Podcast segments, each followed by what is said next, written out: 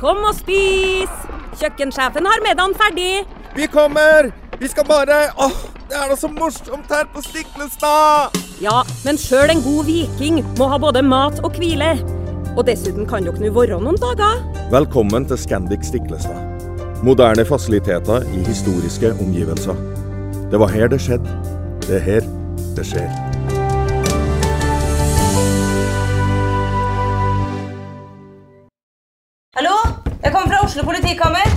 Ine Jansen er purk. Er du purk? The motherfucking bitch. Alt jeg vil, er å finne ut hva som skjedde med mannen min. Jon Carew. Er jeg sikta for noe? Iben Akeli. Det er du. Ole So, Lars Berrum og Big Daddy Karsten. Hvem sin side er du på, egentlig? Anette Hoff, Tone Danielsen, Kommer du fra Afrika? Jørnis Josef, Nesten. Kløfta. Trond Espen Seim, Det er synd å si det, men det var feil mann som døde. Purk. Premiere tirsdag på TV2 Play.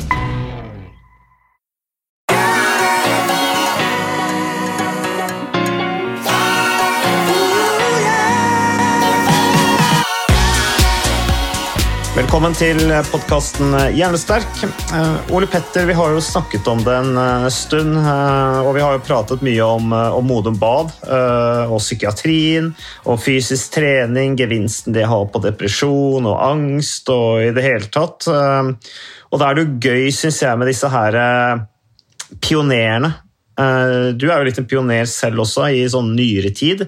Men tilbake i tid så er det jo flust av pionerer, men en av de må vel kunne si er Egil Martinsen, eh, som eh, jobbet Eller han kom jo inn og begynte å forske på dette treningsarbeidet som var satt i gang på Modum Bad på, på pasientene der nede. Hva, hva er din kjennskap til Egil?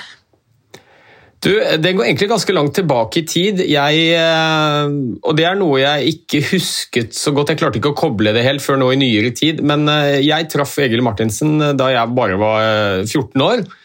Da begynte jeg å, å løpe, drev med friidrett i en Oslo-klubb hvor også Egil Martinsen var med, og han har vært glad i å løpe. Og han var en veldig nær venn av min bestefar. Så jeg husker godt gjennom ungdommen at eh, min bestefar snakket stadig vekk om han Egil Martinsen, som eh, foruten å være en utrolig dyktig fagperson, også var en utrolig fin fyr og godt, eh, godt menneske. menneske. Og så har jeg jo selvfølgelig blitt kjent, ikke så veldig mye med, jeg har ikke hatt kontakt med ham på mange år, men jeg er jo veldig godt kjent med det han har gjort. og som du sier, Han er jo virkelig en pioner når det gjelder dette med å få fysisk aktivitet inn i, eh, i helsevesenet, spesielt med tanke på psykiske lidelser. Mm. Han er et stort stort eh, forbilde for meg. og eh, Han, sammen med dine foreldre blant annet, er jo en av de viktigste grunnene eh, tror jeg, at, til at fysisk aktivitet i dag endelig begynner å få i fall en del av den oppmerksomheten den fortjener, da, som et eh, reelt og effektivt behandlingsverktøy i, i helsevesenet. Så det er mye takket være Egil eh, Martinsen. Det, altså det forskningen de kjørte på Modum Bad på den tida der, det var vel altså rundt øh, ja, mellom 85 og 1990. Det var altså det første, det første forsøket, forskningsforsøket i verden da, med vitenskapelig støtte på nettopp eh, fysisk trening eh, og, og dette med gevinsten på, på mental helse. Så det er ganske, ganske stort. Men eh, eh, dere skal nå få høre da, et langt intervju jeg hadde med, eller en lang samtale jeg hadde med Egil Martinsen i eh, sitt hjem i Nedre Steinsåsen i Hole kommune. Eh, Jeg måtte reise dit litt sånn i hu og hast, eh, fordi at vi har prøvd å få en samtale med han lenge, men så har det vært dette med covid osv., og, så og så er også Egil alvorlig syk. Eh, Han har eh, bukspyttkjertelkreft, og som han sa til meg på telefonen, så sa han at Mats, hvis vi skal gjøre det intervjuet, så må vi gjøre det nå, for vi har dårlig tid, sa Egil, og med det så mente han da at han anser seg selv som såpass dårlig at han er i en, en avsluttende fase av livet. Så det er ganske sterkt. Men vi kan høre den praten jeg hadde med, med Egil Martinsen. Sitter her med Egil Martinsen. Vi har kjent hverandre i mange år. Egil, vi har ikke sett så veldig mye til hverandre de siste årene, men jeg kjenner jo begge sønnene dine, eh, Anders og Audun, som er på alderen min. Eh, vi vokste opp rett i nærheten av hverandre på Modum Bad. Og jeg vokste opp på denne gården som er sånn 500 meter ifra. Dere, du bodde der med din familie eh, på Modum Bad da du jobbet der i mange år. Eh, og vi ble kjent sånn. Um, og i podkasten Jernsterk så har vi snakket mye om modebad. Mm. Vi er jo opptatt av sammenhengen mellom fysisk form og mental helse. Eh, og jeg er jo vokst opp også da i nærheten med å høre min mor og far snakke om Modum Bad. Eh, jeg husker jeg var med ned dit og var med på treninger osv. Og, så og der var jo du også en viktig skikkelse. Og min far snakket om deg, Egil, eh, da han var gjest på podkasten vår for, eh, for lenge siden. Kan ikke du først fortelle litt om, om bakgrunnen din, sånn rent faglig, bare sånn at folk er klar over det? Ja da, jeg er lege og spesialist i psykiatri. Og har vært veldig opptatt av idrett og fysisk aktivitet hele livet. Og uh, først var jeg, prøvde jeg å bli idrettsmann, og jeg var lovende, men jeg ble aldri go- god. Men så begynte jeg å arbeide med, som lege da, i psykiatri, og jeg syntes det var veldig rart å se hvor uh, livet på institusjonene sånn som det var den gangen. Fordi der kom folk innlagt med helsemessig havari. Både, de var jo i dårlig form både fysisk og psykisk.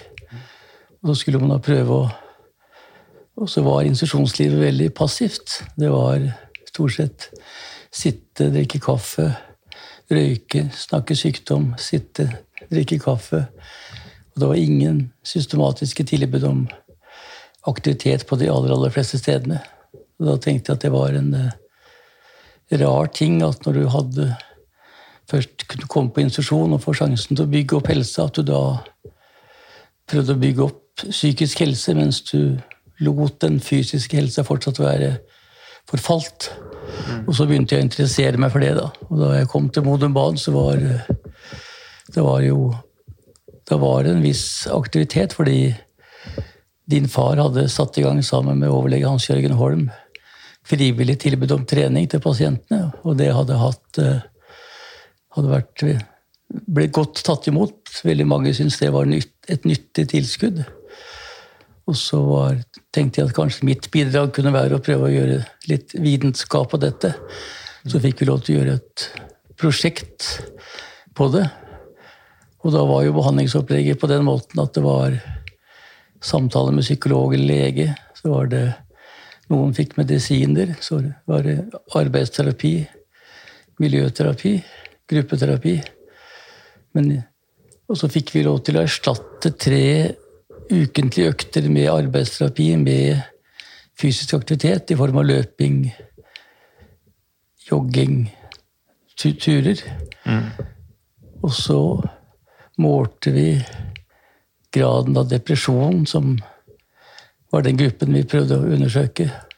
som målte i kondisjon, og sammenligna med en gruppe som fikk vanlig eh, arbeidsterapi og ikke fikk noe trening. Så fant vi at det var sikkert bedre resultat på, på depresjonsbehandlingen av de som var, eh, fikk dette lille endringen i behandlingsopplegget, enn de som ikke fikk det.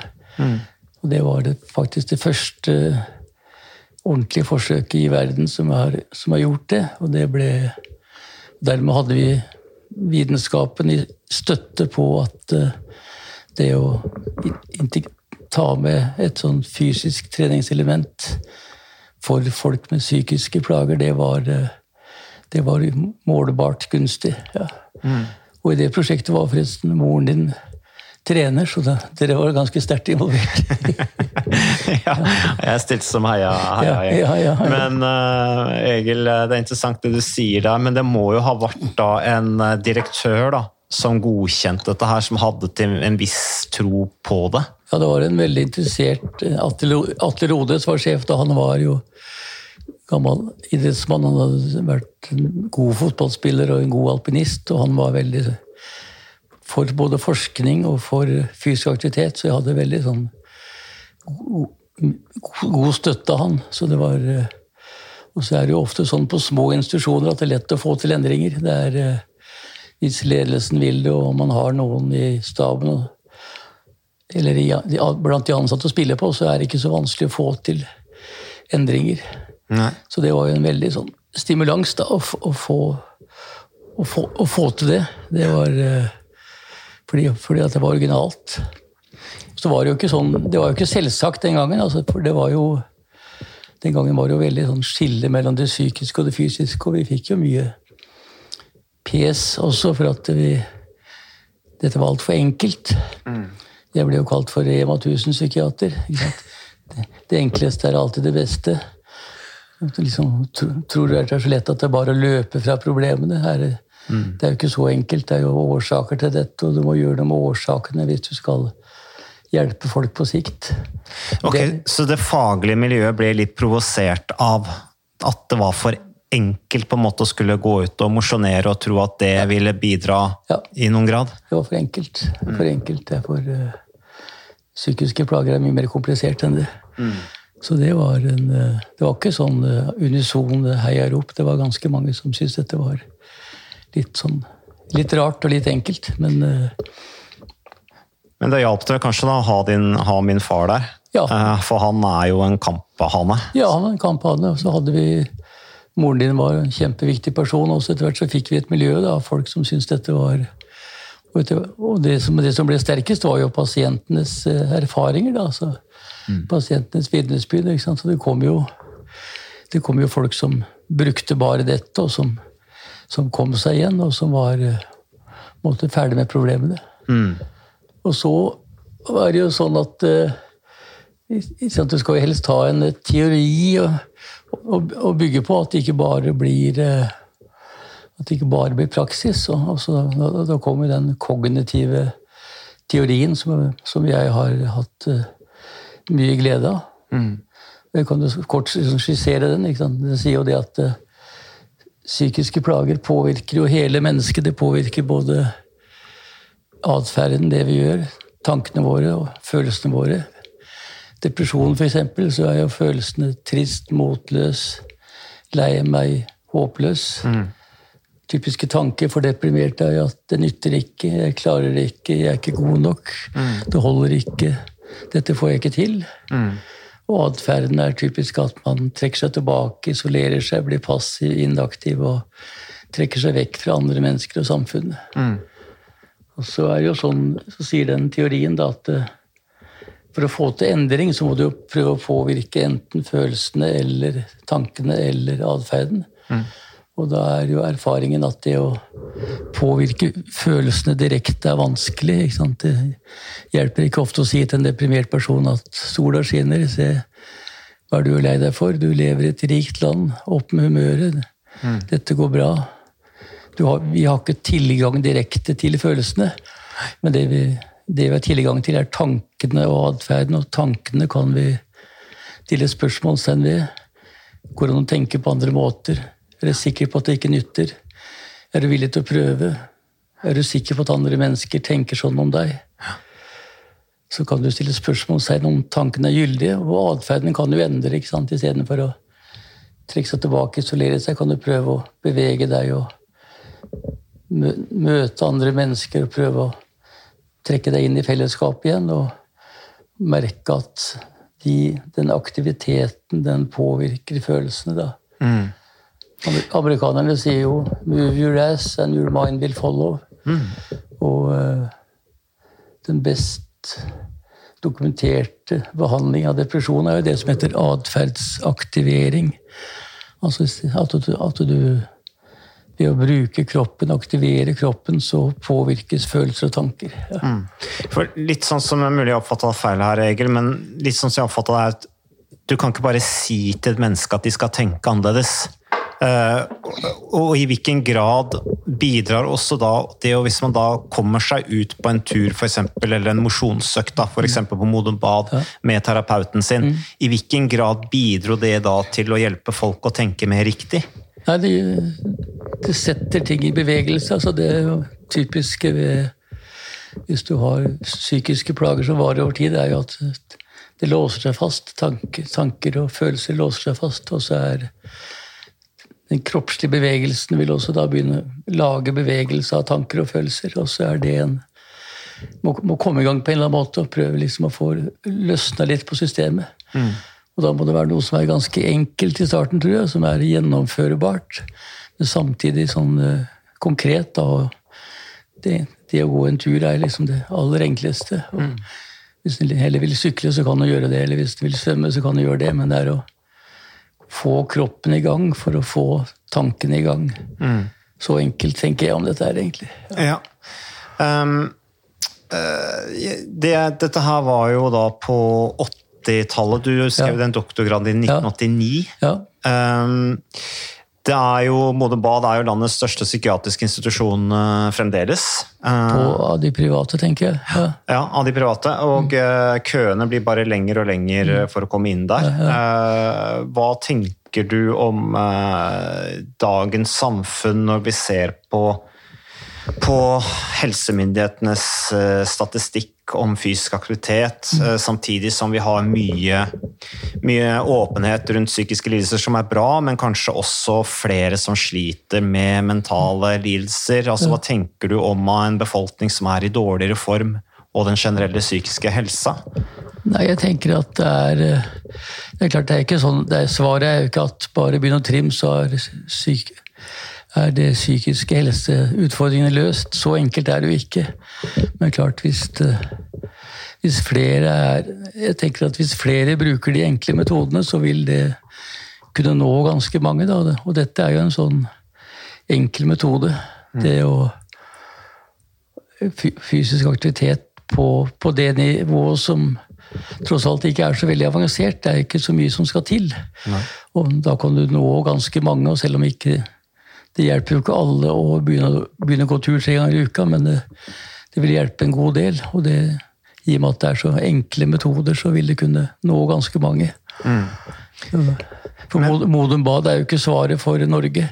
Det, er, det, er ikke, det blir altfor få som kommer, kommer på institusjon, og det skal jo, skal jo ikke bli flere heller. Så da er det viktig med disse folkehelsetiltakene, som jo har blitt ganske mange, egentlig. Altså det, er, eh, det er jo ikke bare sykehusinnleggelse, psykiatrisk politikk eller ingenting. Det er jo mange ganske flotte kommunale tiltak med fristlivssentral og, og Raskere tilbake og sånne ting som, eh, som er kjempeviktig, tenker jeg. Ja. I hvilken grad tenker du at din måte, bakgrunn som idrettsmann selv Du løper jo selv fort. eh, Og, prøv, prøvde. ja. Ja. Eh, du har sikkert hatt, du har hatt mye glede av den fysiske treninga. Ja, jeg har det, ja. Eh, Og i hvilken grad tenker du at den erfaringen fra, eget, fra egen fysisk aktivitet at den også bidro til å gi deg ideene om at her kunne man også bidra innenfor psykiatrien med bare rett og slett bruk av hva skal vi kalle det, sånn gymtime, eller Ja. få folk til å mosjonere? da. Nei, For meg har det vært helt avgjørende. Det hadde jo, ideene kom jo derfra, og det er jo egne erfaringer. ikke sant? Jeg, jeg har jo Fram til jeg var noen og tjue, så konkurrerte jeg og prøvde å bli god. Etter hvert så har jeg vært aktiv helt til jeg ble sjuk nå for noen par år siden. og jeg da har jo gleden av aktivitet Det har jo ikke vært prestasjonen, men det har jo vært det å bruke kroppen, kjenne at kroppen virker, oppleve naturen. Jeg tror vel at naturopplevelsen har blitt viktigere og viktigere etter hvert. Og prestasjonene har jo blitt helt uinteressante, men det er den eh, gleden ved å være ute, bruke kroppen, merke at eh, merke at det skjer et eller annet som er behagelig. Da. Det, er, eh, det er vel blitt den sterkeste motivasjonen for meg de siste årene. Men når du var ute da i aktivitet, og da i utgangspunktet den gang, eh, så handlet det jo til en viss grad om at du fremdeles løp ganske fort, eh, og likte å løpe fort. Men hvordan det, det at du også da hadde en utdannelse, du var på en måte sterk faglig, så klarte du da å omdanne den den uh, følelsen, da, eller den, den erfaringen fra å være ute i fysioterapi til noe konkret faglig Ja. innenfor psykiatrien. Ja. Uh, var det på en måte vanskelig å, å kommunisere da til andre fagområder? Ja, det har jo vært veldig sånn varierende hva som har vært interessen. Da. Og det har vel vært uh, nok en gjennomgående erfaring at uh, interessen for det jeg har Når jeg har snakket om dette, har jo vært større kanskje blant ja, miljøarbeidere, altså sykepleiere, ergoterapeuter, fysioterapeuter, enn blant leger og psykologer.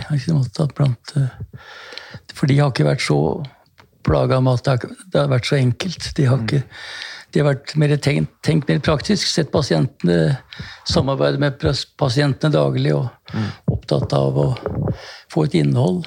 Så tenker jeg sånn på institusjoner. Det er jo et stort problem på institusjoner er jo at det er kjedelig. Altså, du har en time med psykologen i uka, du får kanskje medisiner, det er miljøterapi, men da skal man bruke disse 16-18 timene til som man er på institusjonen, og finne noe meningsfylt innhold til det. Og det er jo dette. Det er jo ikke så mye som er mer meningsfylt da enn å prøve å bygge, bygge opp kroppen og styrke helsa på de måtene man kan, kan gjøre, gjøre, det på. Så det Men det har nok vært veldig sånn Den største skepsisen har vært blant mine egne kolleger. som hvor det kanskje er viktigst at det skal være akademisk. da. Mm. Det sier jo også Ole Petter Gjelle, eh, som jeg har podkasten her med, at eh, det er veldig liten interesse mm. for fysisk aktivitet i miljøet. Ja. Men det begynner kanskje å komme så smått. Men fremdeles så er jeg litt sånn overrasket over at ikke eksempelet Modum Bad blir brukt i større grad da, ja. i, i, institusjonslivet ja. i Norge innenfor helse. Ja. I og med at det er et såpass godt eksempel. altså Som i næringslivet så snakker man om best practice, lære av hverandre mm. osv. Mm. I hvilken grad er Helse-Norge gode på det? Ja, nei, det vet jeg jo en det er jo en utfordring, det å skulle lære av andre. Det er jo artigst å finne på ting sjøl. så, så det, er, det er vel et generelt problem, tenker jeg. At at man skal eh, og lære av andre, det er Ja, det er ikke helt sånn ukomplisert. Men eh, det er jo det eneste smarte måten, egentlig. ja. Men når dere begynte med dette her, så fikk dere jo på en måte forankra fysisk aktivitet som en del av behandlingstilbudet. Mm. Jeg refererte nylig i dag, så snakket jeg til en eh, bedriftskunde av meg, hvor jeg da mm. snakket til lederne om Hvor jeg bl.a. brukte hjemmesiden til Modum Bad, okay. hvor de beskriver på en måte filosofien sin rundt fysisk aktivitet. Ja, ja. Dette med den gode mestringsopplevelsen, ikke mm. prestasjon osv. Ja. Uh, dette å gjøre det veldig enkelt, men allikevel faglig begrunna. Uh, og det er jo ikke noe hokus pokus med mosjon, i hvert fall vi som har drevet det hele livet. For oss er det jo veldig enkelt. For andre som ikke har drevet med det, så blir det plutselig mm. vanskeligere. De er redd for å gjøre feil osv. Men i dag så er det jo idrettspedagoger som ansatt der på heltid. Mm. Eh, og, og er, er, du liksom er du, er du, stolt over å ha vært med på å bidra til å implementere mosjon som en del av behandlingstilbudet? Ja, jeg syns det er gøy, og det, det, som er artig, er jo at det er eh, stadig eh, Altså det brukes på stadig flere områder, og det er liksom Hvor du enn prøver å bruke det, så har det så er det nyttig. Altså det er eh, best Det starter med depresjon. Det er eh, mest eh, best dokumenterte. Det, det, har ikke noe særlig effekt ved det som heter bipolar sykdom, altså manisk depressiv. Der, der tror jeg man er nødt til å bruke medisiner som en del av behandlingen, men ved vanlig depresjon så er det nyttig ved flere angstlidelser, ulike typer smerter. Så det er jo mange av de store sykdomsgruppene som uh... Ukas annonsør det er HelloFresh. Og uh, hvis du nå går inn på hellofresh.no og bruker koden 'fresh hjerne', så kan du få opptil 1779 kroner rabatt på da de fem første matkassene dine hvis du ikke har prøvd Hello Fresh enda. Og Ole Petter, vi er jo glad i Hello Fresh i podkasten Jernsterk, selvfølgelig fordi at de er en annonsør. De er med og bidrar til å spre det glade ordet om fysisk aktivitet og god helse. Men i tillegg så har jo vi også nå lang erfaring med Hello Fresh eh, selv, så vi må jo si at det har vært gode erfaringer til nå. Ja, absolutt. Visste du, Mats, at HelloFresh det er faktisk verdens ledende matkasseleverandør? Og tilbudene til HelloFresh gjør det enkelt å lage gode og varierte retter som skaper matglede. Og matglede vet du, det er like viktig som hva du putter i munnen. Det å spise mat med folk du trives med. Så gjennom 25 nye og inspirerende retter hver uke så bidrar HelloFresh til dette. Du kan bestille ekstra porsjoner om du får gjester, eller hoppe over uke hvis du f.eks. skal bort. Mm. Og Det er ingen bindingstid, og du velger leveringstidspunkt og dag selv, så leverer HelloFresh matkassen din akkurat når det passer deg. Ikke dårlig, Mats. Nei, det er veldig bra. Så, øh, og dette er med enklere hverdag, det kan jeg nå skrive under på. For nå, forrige erfaring vi hadde forrige uke, Ole Petter, det synes jeg var Det var jo et gjennombrudd øh, for familien Kaggestad. For da lagde rett og slett barna De lagde middag og serverte middagen, så den var ferdig laget og servert da når eh, min kone Marita og meg kom hjem fra jobb. Og jeg mener Det var jo bare helt utrolig. Eh, Det var helt fantastisk. Det ble en nydelig middag. Riktignok de, de, de, de roter og søler litt, det gjør de. Så, men, men maten ble veldig god. De var veldig stolte over å kunne ha både laget og servert maten, så det var helt fantastisk. Så vi har jo da i siste så har vi eh, spist eh, bl.a. sitron- og dillstekt hyse med ovnsbakte grønnsaker og aioli. Eh, Vi har spist middelhavsinspirert kylling. Taco, så finnes det mange ulike typer taco. F.eks. vietnamesisk taco, som vi har spist. Thailandsk vegetargryte. Veldig riktig og sunt eh, i dagens eh, samfunn med, med fokus på bærekraft. Hvitløk og chilistekte reker i spagetti, det var definitivt en vinner. Så det er så flott. Du får rimelig mat ved at du kun betaler for det du trenger, så det blir ordentlig feststemning med Hello Fresh. Det gjør det, og nå er det bare for deg å gå inn på hellofresh.no og bruk koden FRESH gjerne. Da får du opptil 1779 kroner rabatt på de første fem matkassene dine, hvis du ikke allerede har prøvd HelloFresh. Du kan også bruke rabattkoden hvis du har stoppet abonnementet ditt for tolv måneder siden eller mer. Er det noe å lure på? Håper maten smaker godt. Bon appétit! hvor vi ikke egentlig har veldig sånn god behandling ellers, da. Hvor dette kan være nyttig. Det er ikke alt som er like godt dokumentert, men det er jo så lite å tape på å prøve det. Altså I verste fall så virker det ikke noe særlig. Eller så er det Noen ganger kan det virke veldig godt. Så det er en eh, Og det kommer jo masse forskningsrapporter på dette her. Både for fysisk helse og psykisk helse, og det er jo ganske det er gøy, da. Det må jo stadig forskes på det. da. Jeg stiller litt spørsmål om hvor trenger man å forske noe mer på gevinsten av fysisk aktivitet. Vet vi ikke den godt allerede? Allerede de greske filosofene beskrev jo dette her som du skriver i boka di 'Kropp og sinn', Ja. eh, hvor du hadde disse greske filosofene som Ja. eh, vandret og underviste samtidig. Det er ikke sikkert de tenkte over det den gang da, men de var jo veldig opptatt av at dette her er syke og soma, at det hører sammen.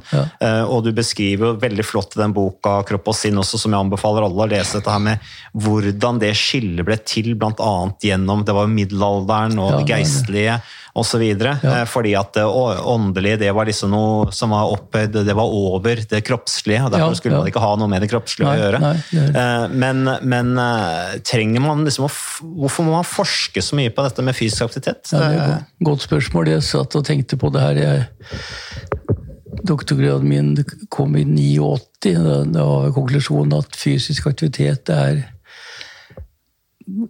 gunstig behandling ved depresjon, sannsynligvis også gunstig ved angstlidelser. Og hvis jeg skulle konkludert i dag, så ville jeg kunne vel omtrent sagt det samme. altså at det er så det virker jo som det, det grunnleggende liksom funnet at eh, det er en sammenheng mellom aktivitetsnivå og angst, depresjon. Det er det har i hvert fall vært ganske godt kjent i 40 år, og kanskje 2000 år.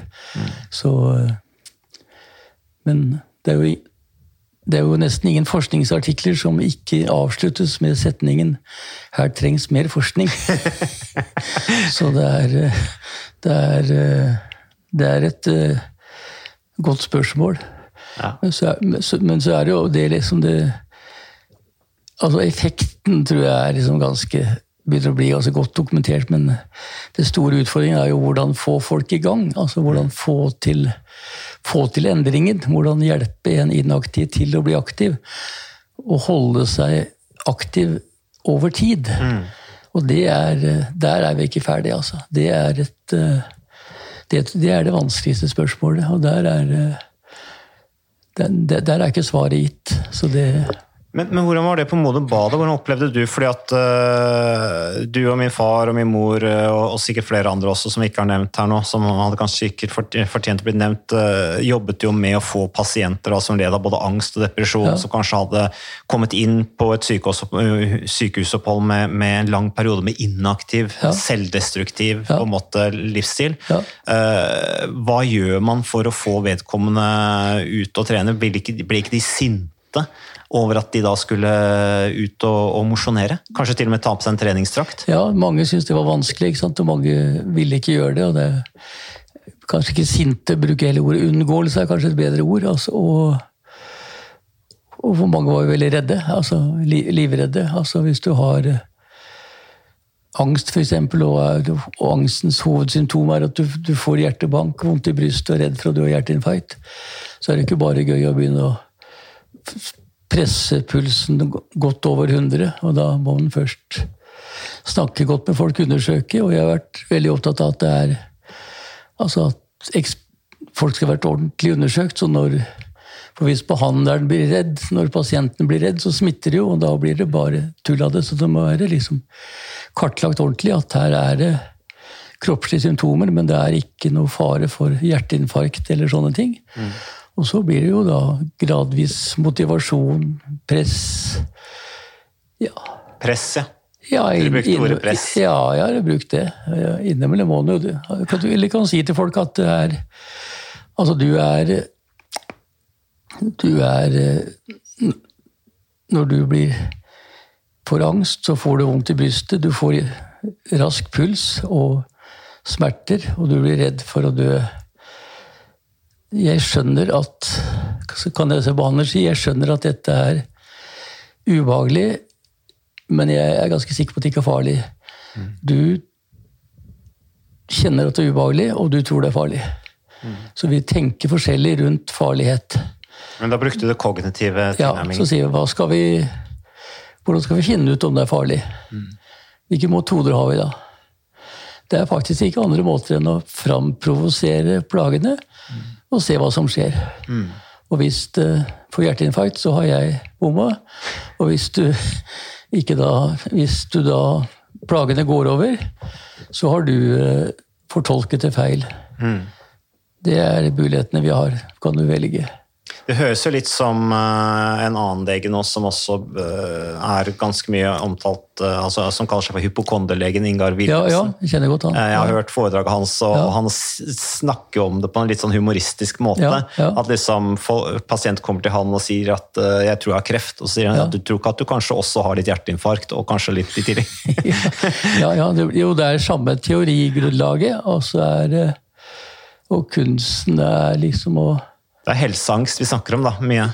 Dette er en type helseangst, og kunsten er da liksom ikke å sitte og bli sittende og skulle overbevise hverandre, men kunsten blir lagt til rette for en måte å teste ut på som er hvor utfallet blir noenlunde sikkert. Da. Det er, som, det er psykologi, psykologien oppi det. Mm. Men samtidig er det også sånn at hvis du kan, du kan jo sitte ti timer og diskutere for og mot om jeg får hjerteinfarkt, så bare Hvis psykiatrisk behandling bare betyr å sitte og utveksle tanker uten at det får noen konsekvenser for det du gjør, det har jeg ikke så mye tro på. Det er nødt til å ende opp i en eller annen form for sånn praktisk konsekvens, hvor det går an å finne ut, finne ut ting. Det er mitt hjerte, et av mine hjertebarn. Jeg husker min far eh, sa at uh, Litt sånn sleivete, da, riktignok, når han skulle beskrive sitt første møte med Monobad. Ja. at Ja, alle, alle, alle satt og røyka og drakk kaffe. Ja. Og han så ikke forskjell på hvem som var behandler og hvem som var pasienter, for Nei, de satt og nei. røyka og drakk kaffe alle sammen. Og, og han stilte da litt sånn det retoriske spørsmålet Blir det noe friskere av det her? Ja, ja, det er jo et veldig godt spørsmål. ikke sant? Er dette, er, dette den er dette den beste måten å bruke tre måneder? Du har fått Samfunnet satser tre måneder for at du skal rehabiliteres. Er dette en smart måte å bruke den tiden på, eller fins det andre måter? Ja. Men egentlig spørsmål, altså Du nevner ordet, ordet press, eller man kan si utfordre, eller bevisstgjøre, stimulere. Ja, ja. Det er mange ord man kan bytte ut press med, eh, for å gjøre det mer politisk korrekt. for å kalle det. Men, men i hvilken grad tror du at kanskje helsevesenet er i ferd med å bli litt for snilt da, til at man kan utfordre pasienter på den måten? Vi har litt sånn inntrykk at eh, vi er ganske forsiktige i dag, særlig med det å skulle oppfordre folk til å ta tak i egen helse, for det er jo så sensitivt. Ja. ja, det er veldig vanskelig å si. Det er sikkert veldig stor variasjon. og Jeg er litt sånn... Jeg har jo vært ute av systemet i tre år nå, så eh, jeg tipper at noen steder er det for snilt, og noen steder er det kanskje for Stilles det for lite krav, kanskje. Det er eh, det tør jeg ikke si noe, det tør jeg ikke si noe sikkert om. Det har jeg ikke nok eh, kunnskap om, rett og slett. Nei. Nei, og det er vel ikke systematisert heller, så det kommer vel an på behandleren, sikkert. Det tror jeg veldig, behandleren har. veldig stor variasjon tror jeg, fra, fra sted, sted til sted, hvordan det er. Og både kravene og systematikken tror jeg er veldig stor variasjon. Ja. Du eh, har jo skrevet boka 'Kropp og sinn', som jeg har nevnt, eh, som, som sagt er en fantastisk god bok. eh, Mm. Som jeg har hatt mye av glede av sjøl. Jeg har jo sitert deg bl.a. når jeg rapporterer til disse bedriftskundene mine. Ja. Eh, og alt dette filosofiske rundt. Du må jo ha hatt det ganske gøy når du har sittet og lest deg opp disse gamle grekerne og indianerne, og du har jo sitat bl.a. av Nelson Mandela der, som Ja, satt inne i ja. 27 år. Et sitat som jeg syns er kjempebra, hvor Ja. han brukte fysisk aktivitet. Eh, er det, er, blir du liksom litt sånn eh, nå, er, det, er det ting du føler liksom at du ikke fikk oppnådd i den tiden du var på de mest aktive, da, og dere på en måte kjempa for fysisk aktivitet, eller fysisk aktivitet sin rolle innenfor helsevesenet? ja, kanskje kunne vært mer aktiv og offensiv, kanskje. Det har jeg tenkt på. Jeg har vært uh, uh, uh, Så er det jo Så er det jo Det er ikke så lett å få til endring. altså dette Det er jo et Norsk psykiatri er jo et, det er jo ikke noe småbåt, det er et tankskip. og det er ikke Den har kanskje vært med å endre no, noen ting. Så det jeg har, Sånn som det er nå, så tenker jeg vel kanskje mest på at det har vært, vært med å få til noe, og så er det en del ting som ikke ble sånn som jeg hadde tenkt. Det er eh, Ja, det er vel egentlig sånn jeg tenker. Men det er jo en arv å ta vare på, da. For på en måte det lever jo videre på Modum Bad. Det var på en måte litt der det startet, eh, sett fra ditt og min fars perspektiv ja, ja, osv. Du nevner. Frisklivssentralen også. Det er jo da veldig viktig at det blir bygget videre på de erfaringene som er gjort. Ja. Og Jeg tror det er særlig sånn det Jeg har tenkt mye på det den siste tiden. har det jo vært, vært veldig mye kritikk av psykiatri og manglende tilbud. Og du kan jo innimellom få inntrykk av at eh, psykiat- psykiatri det er å bli henvist til psykolog og komme til psykolog. Og det er jo mye annen det er, det er jo mange andre behandlere som kan hjelpe folk, og det fins mer enn psykiatriske politiker. F.eks. Frisklivssentralen, som først begynte med Modum. Raskere tilbake. KID-kurs. Det er mange det er mange behandlere som ikke er leger og psykologer, og det er mange tilbud utover det psykisk helsevern så, som jeg syns blir litt borte. da, oppi. Og der, der, der er også koblingen mye nærmere til det folk kan gjøre sjøl. At det er eh, mulig å komme i gang med enkle ting som kan eh, som kan, som kan snu, som kan kanskje være nok hvis den kommer tidlig nok til.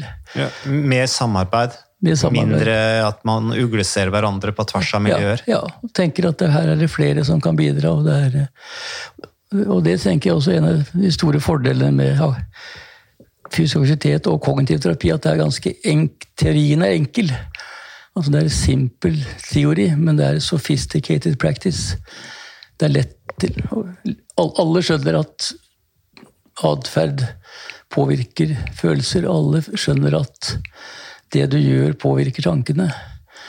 Det er, det, det er ikke mulig å være mot det, men det er å Og det kan du skjønne på alle nivåer i helsevesenet og i befolkningen, men det er det å få til å, å få til eh, i praksis. Det er det som er utfordringen. Satt i system. Satt i system, og på en måte som gjør at det holder utover den første begeistringen. At det skal mm. være livslange endringer som skal kunne bruke resten av livet. Og da må det være overkommelig. Og sånn som Det er jo sånn Det å gå, jogge, sykle, det er veldig enkelt fordi at det er treninga begynner i det øyeblikket du er ute av døra. Og du slipper å bruke mye tid på transport og sånne ting. Så hvis du klarer den formen for trening, så kan du få gjort mye. Også i travle faser med unger og jobb og alle sånne ting, så er det mm er all, all tid utafor huset er effektiv trening. Det er en stor fordel. Mm. Egil, tusen takk for uh, at uh, jeg fikk ta turen ja. hit til Steinsåsen, eller Nedre Steinsåsen. Gamle trakter for meg. Det var her jeg uh, sykla i ungdomsåra. Du bor i nærheten av den gode, gamle sykkeleliten. Unge Rask. ja, blant annet eh, Inios-direktør eh, Gabriel Raske. Ja. Eh, jeg vet også at du er Du, du sa det jo også i starten at du, du lider av, av, kreft. Ja, jeg har mine, lever mine siste måneder av bukspyttkjertelkreft, ja. Så jeg har Jeg har Og det er en kreftform som trening ikke har noe effekt på. Det er jo noen trening, kreftformer hvor trening kan forebygge ganske gunstig, men denne kreftformen er uh, upåvirkelig av trening, så det, er, uh, det har ikke vært uh, det har ikke vært mulig denne gangen, men uh... Nei, du sa til meg Vi har snakket lenge om å spille inn denne episoden, her, ja. Egil. Og så kom jo covid, ja. og så ble det vanskelig pga. det. Og så sa du til meg i dag, dette var veldig spontant, at jeg tok turen her nå, fordi at du var såpass sporty og sa at Mats, jeg tror du, hvis vi skal gjøre dette her, så må du gjøre det nå. ja, Med litt glimt i øyet, men, men, som jeg sa til Egil, at det er veldig viktig. Altså, for meg så er jo du en guru. Det du gjorde med min far på Monobad, det er guruarbeid, egentlig. Det er, det er uh, pionerarbeid. Mm. Uh, og det samme gjelder jo i dag. Uh, gjør det enkelt. Ja. Fysisk aktivitet hjelper. Uh, kom dere ut av inaktivitet. Mm. Det er destruktivt, det gjør deg ikke noe bedre. Men å sette det der i system, ja. sånn at det blir fulgt opp, ja. det er jo prinsippene deres veldig mye. Og det gjelder fortsatt. Det gjelder fortsatt. Tusen takk, Egil. Veldig hyggelig. Herlig. Ja, Ole Petter, eh, det var eh, sterkt å møte eh, Ole Petter Nei, unnskyld, Egil. Det var Han var jo Jeg frykta litt å se han etter alle disse årene, fordi jeg vet jo at han er fryktelig syk, stakkars. Og han mobiliserte jo også ganske kraftig med å få sagt det han sa. Jeg tror han hadde veldig lyst til å snakke om det. Fordi det er jo et viktig arbeid som er gjort. Og det er jo litt sånn Jeg fikk litt sånn inntrykk av at han Det er jo ikke noe, ikke noe opplagt at den arven fra Modum Bad og det arbeidet som er gjort, selv om det forskes mye på fysisk aktivitet osv., at den blir tatt videre. Eh, som han sier, at det er jo veldig avhengig av, av lederen av sykehuset. Eh, litt sånn som det er med, med, oss når vi jobber i Eller i hvert fall for min del, som har jobba mye med næringslivet, hvor du også, også er med. men eh, hva tenker du om, eh, om det han sa? Først og fremst så syns jeg det er rørende at han eh, ønsker å stille opp på podkasten vår. Som han selv sier, han, det går helt, helt mot slutten, han har ikke lenge igjen. Så det, det, det, det, sier jo mye om ham som person, og, og, og åpenbart at han virkelig brenner for dette og bruker enhver anledning han har og har hatt gjennom hele sitt yrkesaktive liv til å snakke om akkurat det kanskje han er mest opptatt av, da, nemlig dette med trening og fysisk aktivitet. innen, unnskyld, innenfor psykiatrien. Og jeg tenker Han har jo også gjort en del mer, tenker jeg da, eh, i et litt vi- videre perspektiv også. For han eh, snakker jo veldig mye om dette at vi, vi må ikke se på kropp og sjel som to separate enheter, sånn som er blitt den gjeldende tankegangen i eh, helsevesenet i dag. Ikke sant? Eh, Skal du inn på et sykehus, så er det avdelinger for fysisk syke, det er hjerteavdelinger og lungeavdelinger. Og så har du andre avdelinger for eh, de med mentale utfordringer. Og det der går jo i ett, ikke sant? Eh, Kroppen påvirker psyken, og vice, vice versa. Mm. Og jeg tror det er en tankegang vi eh, bør prøve å komme oss litt vekk fra. Og det er jo veldig godt eh, illustrert ved de pasientene som f.eks. da får diagnosen depresjon, som vi vet har en veldig økt eh, sannsynlighet for å få andre sykdommer også. eh, Hjerte-karsykdom, muskel-skjelettplager osv. Og du kan snu på det og si at mange av de som eh, får hjerteinfarkt eller lungesykdom, de opplever mentale utfordringer, de også. Så han har jo vært en sånn eh, ja, Hele tiden stått for at vi må prøve å se hele, hele pasienten. Kropp og sjel i ett. Så, og det tror jeg det blir mer og mer gjennomslag for. Og så har han jo noen veldig gode poenger, da, og det er jo at eh, endringer i helsevesenet skjer utrolig langsomt. Her må vi huske at eh, nå er vi tilbake på 80-tallet, hvis jeg ikke husker feil, da Egil eh, og din far og mor startet på Modum, og han eh, tok en doktorgrad, og, og dette har vært godt dokumentert veldig lenge. At det å bevege seg regelmessig det er en av de viktigste tingene vi kan gjøre for å forebygge mentale lidelser. Det er også et veldig effektivt behandlingsverktøy eh, med så godt som ingen bivirkninger. Og allikevel så er jo ikke dette mainstream behandling i dag eh, på sykehusene våre. Så jeg liker jo den metaforen hans om at helsevesenet det er et tankskip. Altså Det tar utrolig lang tid eh, å, å få snudd kursen. Og så tror jeg også han har helt rett i at vi er utrolig avhengig av enkeltpersoner, ildsjeler, som brenner for dette. Eh, Og Det er jo Modum Bad et veldig godt eksempel på. Så er du ved en institusjon hvor du kanskje har en leder som ikke helt deler samme syn på dette med fysisk aktivitet, så, ja, så, blir, så blir det ikke brukt i i behandlingen. Så vi, vi er fortsatt veldig personavhengige. Vi er det. Det, er, det er jo også litt sånn metafor han bruker her når han bruker dette ordet eh, Rema 1000-psykiater. altså at han, ble, han følte at han ikke ble tatt på alvor da, av fagmiljøet. Eh, at fagmiljøet ble på en måte viss, sånn, de viss grad provosert eh, av det de mente var en rett og slett for enkel løsning. Da.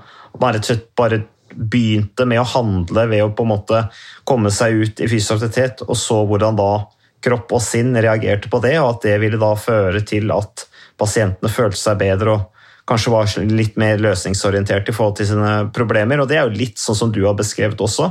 Eh, til en viss grad eh, innimellom eh, så har du også sagt det at det er liksom ikke noe legestanden er så veldig opptatt av, rett og slett. Nei, og det er som sagt mange ganger så er det flere årsaker til det. Annet at vi lærer veldig lite om det. Og det er jo et paradoks det at vi skal se på dette med fysisk aktivitet, trening, som litt enkelt eh, ved Rema 1000-konseptet, fordi at eh, det er jo ikke noe legemiddel i verden. Altså, selv ikke de mest avanserte legemidlene vi har, som har kostet hundrevis av millioner av dollar å utvikle, som er i nærheten av å ha samme potens og nedslagsområde da, som fysisk aktivitet har. Så at Vi har avanserte legemidler for å forebygge hjerte-karsykdom, lungesykdom. Men, men poenget med fysisk aktivitet er jo at det gjør jo jobben til utrolig mange forskjellige typer medikamenter på en gang. eh, Så godt som uten bivirkninger. Så um, ja, det er, det er jo et paradoks at vi i dag vet veldig mye om det. Eh, Det er veldig enkelt. Det er tilnærmet bivirkningsfritt. Eh, Jeg pleier å si at det er ganske mange bivirkninger ved fysisk aktivitet, men de er særdeles positive. Altså Det har mange ringvirkninger. F.eks. For, for pasienter med depresjon så påvirker det ikke bare depresjonen, men eh, veldig mange andre plager man kan ha, og reduserer sannsynligheten for muskel-skjelettplager, hjerte-karsykdom, kreft osv. Så, så um, Det er, det er et paradoks. eh, Men eh, som sagt, jeg tror det langsomt, men sikkert er i ferd med å snu. Mm. Det Men det tar tid. Han, som han sier, ja? Det er en utfordring å sette det her i, i system og forankre det skikkelig. Men eh, vi får bare heie på de eh, initiativene som, som tas. Men eh, Ole Petter, eh, takk for, takk for praten, takk for oppsummeringen. Og igjen tusen takk til Egil Martinsen som sporty stilte opp på tross av, av alvorlig sykdom. Eh, Og litt den lyden som var underveis i dette intervjuet også, det har med at han er veldig syk. eh, Sleit med å holde eh, den tunge mikrofonen osv. Der, han- der han satt, sånn at det er forståelse for det blant, blant lytterne. Og tusen takk til, til deg som hører på. Tusen takk for, til samarbeidspartnerne, og vi er tilbake igjen neste uke. Ta vare på deg selv i mellomtiden. Takk for nå.